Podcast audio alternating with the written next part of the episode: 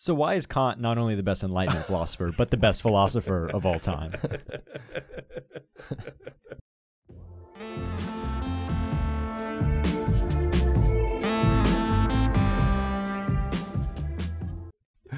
I'm sorry, I can't answer that question. Kant is absolutely stunning.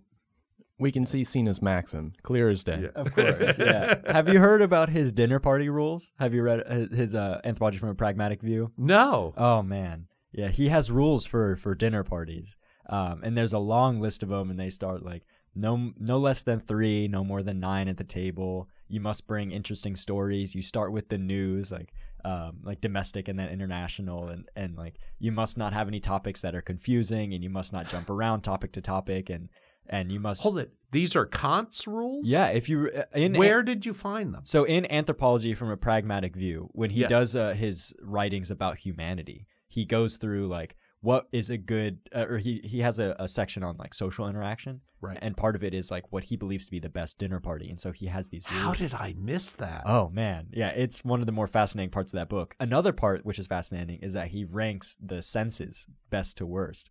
And he says sight is the best sense because it gets us closest to our intuitions. And uh, do you want to guess which he thinks is the worst sense? Smell? Yes.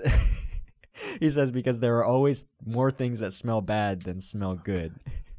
So that seems a silly reason. The reason I would have thought is you lose it quickly. Oh. So, you know, if you walk into a room that stinks, it stinks. And it keeps stinking, but you stop noticing it. right. I, I had a great experience with my kids.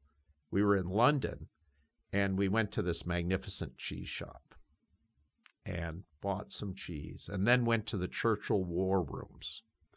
We were walking around. This is a really interesting museum. Just so much history, so much politics, so much to worry about what the words were used to do. Uh, I'm walking through this museum and it's three in the afternoon, and I begin to notice, boy, there's really nobody around. I would have thought it'd be really full. I walk from room to room, and, and then I started to notice, well, the room I left began to get full. And the room I'm coming to, it's sort of thinning out. Then I realized I was carrying this bag of cheese, and I couldn't smell it anymore.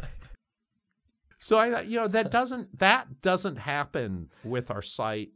It doesn't happen much with our hearing. I mean, you can go temporarily deaf and things, but we go regularly.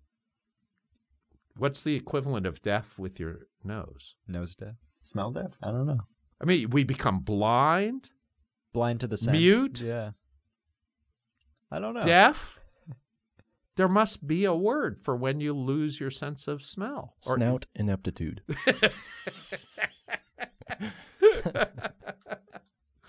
anyway, hmm. that's I would have thought that. Yeah. No, he's got some fascinating, fascinating thoughts. If you it- digging around in Kant is is quite an enjoyable time.